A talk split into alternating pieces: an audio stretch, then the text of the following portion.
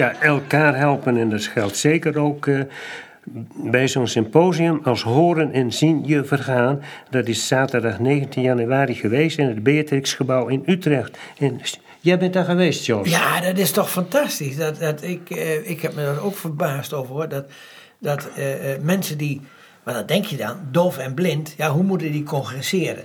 Nou, mensen die helemaal doof en helemaal blind zijn, die, die, die, zijn, die zijn misschien op één of twee handen te tellen. Er zijn er maar heel weinig. Maar er zijn wel heel veel mensen die een combinatie hebben met doofheid en uh, slechtziendheid of slechtziend en slecht horen enzovoort. En er zijn allemaal fantastische voorzieningen voor, ook met, uh, met tolken enzovoort. En, en we hebben namelijk eerst even een gesprek gehad met Irma Bosman. En die is docent doofblindheid ben uh, docenten doofblindheid op het Instituut voor Gebarentaal en Dovenstudies. Oké, en, en, en, jouw naam is Irma Bosman? Ja. En uh, wat doe je daar? Ik geef uh, les onder andere over doofblindheid aan tolken gebarentaal in opleiding, aan leraren gebarentaal in opleiding en aan schrijftolken. Maar je hebt dus niet direct te maken met doofblinden? Nou, het is wel zo dat er een heleboel doofblinden zijn die mij assisteren bij mijn lessen. Sommigen komen in de les en sommigen ontvangen thuis studenten van ons. Oké, en maar wat moet ik bij die studenten eh, voorstellen? Wat, wat studeren die? Die studeren dus voor tolk gebarentaal of voor schrijftolk of voor leraar gebarentaal. Ja, nou ik heb schrijftolken wel eens een keer geïnterviewd. Ja. Die, uh, sommigen halen wel 600 uh, eh, tekens per minuut. Klopt. Dat is een gigantische snelheid. Ja. Ik heb het nu net in de zaal, want we zijn hier op het uh, doofblinden symposium. Ja. Daar heb ik gezien hoe snel ze, ze dat kunnen typen. Want we zagen dat op een groot scherm. Ja, ik denk dat die zelfs nog sneller zijn. En al die mensen die u hier aan het werk ziet, die hebben van mij ooit les gehad. Prachtig toch? Ja. Dus het is een feest van herkenning. Het is een feestje van herkenning en dan ben ik ook hartstikke trots. Dat kan ik me voorstellen. Maar uh, goed, ik heb slecht zicht. En ik zat op de eerste rij. Maar ik kon dat niet lezen wat er op het scherm uh, vertoond wordt. Uh, hoeveel mensen kunnen dat nog lezen dan? Ik heb geen idee. Want ik ken, uh, ik denk 90% van de mensen die in de zaal zitten, ken ik niet. Oh, ja, prima. Maar heb je ook een beetje een beeld van wat de mensen wel of niet kunnen zien, wel en niet kunnen horen? Geen idee, dat is zo individueel. Er zijn een aantal mensen die ik ken en daarvan weet ik dan ongeveer. Maar er zijn ook heel veel mensen die ik niet ken. En bij iedereen is het anders. Maar als je dit, eh, dit symposium wilt bijhouden, dan moet je toch wel of een bepaalde mate van zien hebben, of een bepaalde mate van horen. Of een goede tolk hebben. Ja, maar dan moet je toch wel kunnen zien eh, wat nee, ze schrijft. Niet. Nee, nee hoe hoor. gaat dat dan? Nou, uh, daarnet zat ik bijvoorbeeld naast de tolk van Johan.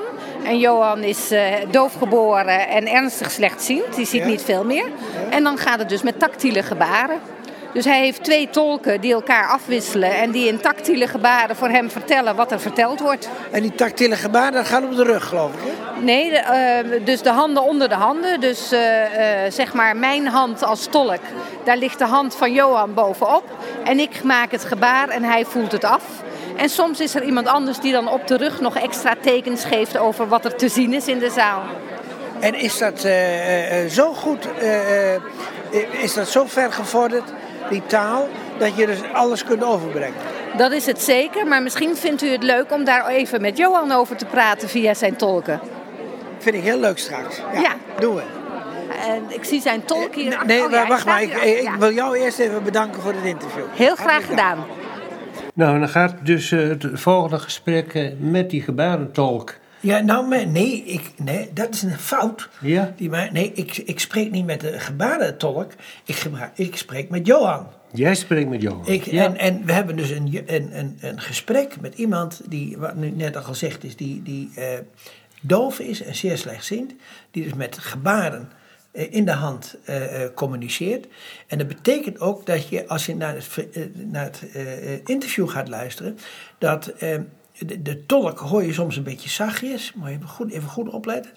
En als de stiltes vallen, dan wordt er gecommuniceerd. En en, en ik heb ook een klein foutje gemaakt aan het eind. Van, eh, dat, ik de, eh, dat ik de tolk heb aangesproken om Johan te, eh, eh, te bedanken. Dat had ik niet mogen doen. Maar, ik, maar je moet dus wel Johan aanspreken. En nu gaan we het interview luisteren. We zijn nu op de symposium voor doven en blinden. En we gaan nu praten met Johan Roskamp. En hij is vanaf de geboorte al blind. En hij is. Slechthorend. Toch? Slechthorend en, en helemaal doof. Ja, ik ben volledig doof, dat klopt. Ik ben helemaal doof. En even jou introduceren. Uh, jij bent de tolk voor hem. Die nu met, met handgebaren uh, aan Johan vertelt en vraagt, mij vragen overbrengt. En hoe heet jij? Uh, ik wil het graag zonder naam doen als u dat goed vindt. zeg je? Ik wil het graag zonder naam Dat is ook goed, maar je bent in ieder geval de tolk.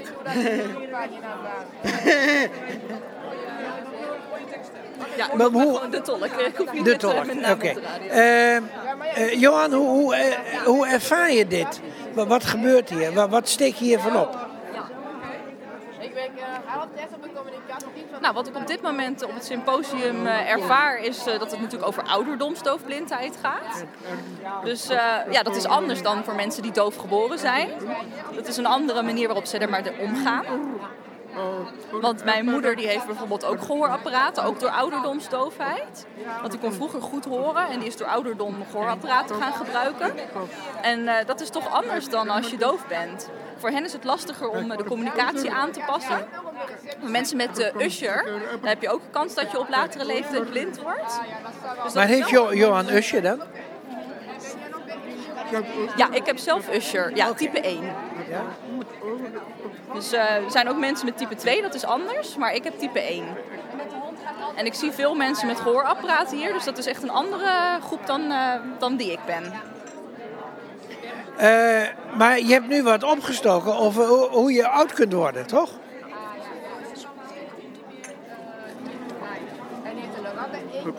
Over gezond oud worden, ja, daar heb ik wel over geleerd net.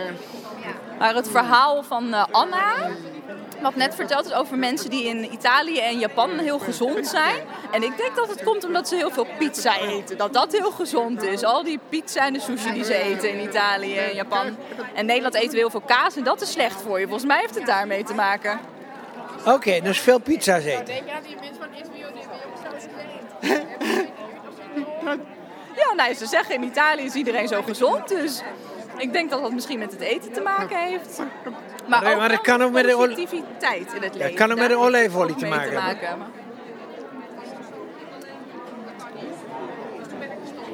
Oh, ja, met de olijfolie, dat zou ook kunnen. Dat is ook heel gezond, ja. heb jij... En net nog, maar het heeft ook te maken met positiviteit. Met positiviteit dat is heel belangrijk, ja. Nou, nou, dat is ook een motto van onze uitzending dat wij altijd zeggen van je kunt met uh, uh, blindheid of slechtziendheid kun je, ook nog gelukkig zijn. Jullie gaan door elkaar heen op dit moment. Tegelijkertijd, Johan zei nog, uh, als je positief in het leven staat is belangrijk. Want als je negatieve houding hebt, krijg je als gevolg sneller depressie. Nou, daar zijn wij het toch helemaal mee eens. En heb jij namelijk nog iets te vertellen aan onze luisteraars?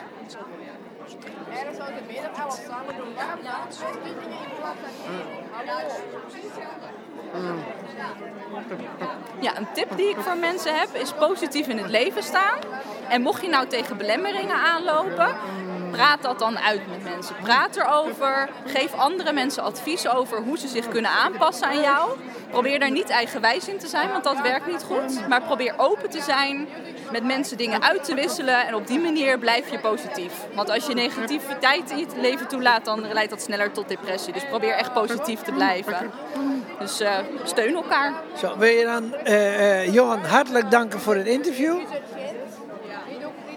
Graag gedaan. En jij ook bedankt als tolk. Graag gedaan. Ja, ik hoop dat u een beetje hebt kunnen indenken hoe dit deze communicatie tot stand kwam. Toch geweldig dat het allemaal zo kan. Het is hè? toch fantastisch dat Ja, ik zat mensen even op het puntje van mijn stoel om ook even te, te volgen. Ik denk, nou, uh, het kan allemaal. En uh, we hadden, of jij had ook nog het geluk Jan Terlouw te ontmoeten, dacht ik. Ja, en heb je, Ja, en dan heb je natuurlijk over al die eh, ontwikkelingen op technisch gebied en zo. En eh, misschien net als Jan Terlouw maak ik me wel eens bezorgd. Gaan we niet te ver? Moeten we niet, wordt niet alles overgenomen door al die apparaten? En waar blijven we zelf nog? Er moet ook nog een stukje van onszelf overblijven. Jan ja, Als het maar niet te gaan, ver gaat, ja. Meneer Terlouw, we zitten op het symposium over uh, doofblindheid of mensen die slechtziend zijn en slechthorend zijn. Wat is uw verbindenis hiermee? Ik ben een tijdje betrokken geweest bij de oogvereniging. Ik was ook bij een reorganisatie en ik was de eerste voorzitter. En zodoende. Maar dan komt de volgende vraag: van hoe kwam u daarbij? ja, dat is me gevraagd. En ik zeg heel moeilijk, ik vind het belangrijk. Dus dat heb ik toen gedaan. Maar zijn politici dan allemaal zo bereidwillend? Want ik heb een boekje geschreven, dat heb ik in Nijmegen gepresenteerd. En dat heb ik aan Van Acht gegeven. Dus uh, uh, zijn politici zo bereidwillig om uh, met alle dingen mee te doen? Als je in de politiek gaat, dan doe je dat uit betrokkenheid met de samenleving. Dan wil je iets betekenen voor de samenleving. Dan wil je helpen de samenleving vorm te geven, te verbeteren. En als mensen je dan zoiets vragen en je denkt dat je iets kunt bijdragen, dan doe je dat. Ja, en u deed dat ook. U hebt hier een speech gehouden. En kunt u daar even de kern weergeven, wat u, wat u nou tegen dit publiek heeft gezegd? Ik heb gezegd dat de geweldige vooruitgang die er is op het gebied van wetenschap en technologie, ook op het gebied van moraal. Dus we zijn veel moralistischer dan vroeger. We hebben geen slavernij meer enzovoort. We moeten oppassen dat die niet doorslaat, waardoor mensen eenzaam worden en niet meer betrokken en niet meer erbij horen. En, maar hebt u niet het idee dat er toch wel tegenkrachten komen? Want ik heb in de automatisering gezeten en, en vanaf het begin. En toen werd er ook altijd al gesproken van robotisering, van eenzaamheid en al dat soort dingen. En dat is nu eigenlijk weer aan de gang. Ja, en je moet dus bij die robotisering. Een robot kan geweldig behulpzaam zijn. Maar je moet niet net doen of hij de plaats van mensen kan innemen. Dat, dat is heel belangrijk.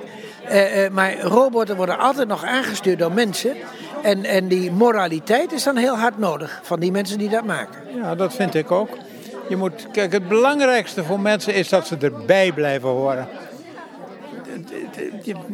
Mensen voelen zich niet ongelukkig als ze gehandicapt zijn, maar als ze er niet meer bij horen. Als ze er niet meer toe doen. En het gevaar van robotisering is dat dat zou kunnen gebeuren en dat moeten we niet willen. Nee, maar wij zijn ook, uh, uh, zowel Grit als ik, zijn ook bezig met mensen eigenlijk te tonen dat je met een handicap of met een gebrek toch nog goed en gelukkig kunt leven. Nou, dat, ben ik, dat is ontzettend goed dat u dat doet. Want zo is het ook. Je kunt ook heel goed lief hebben, al heb je een handicap. En je kunt interesse voor een ander tonen en hebben.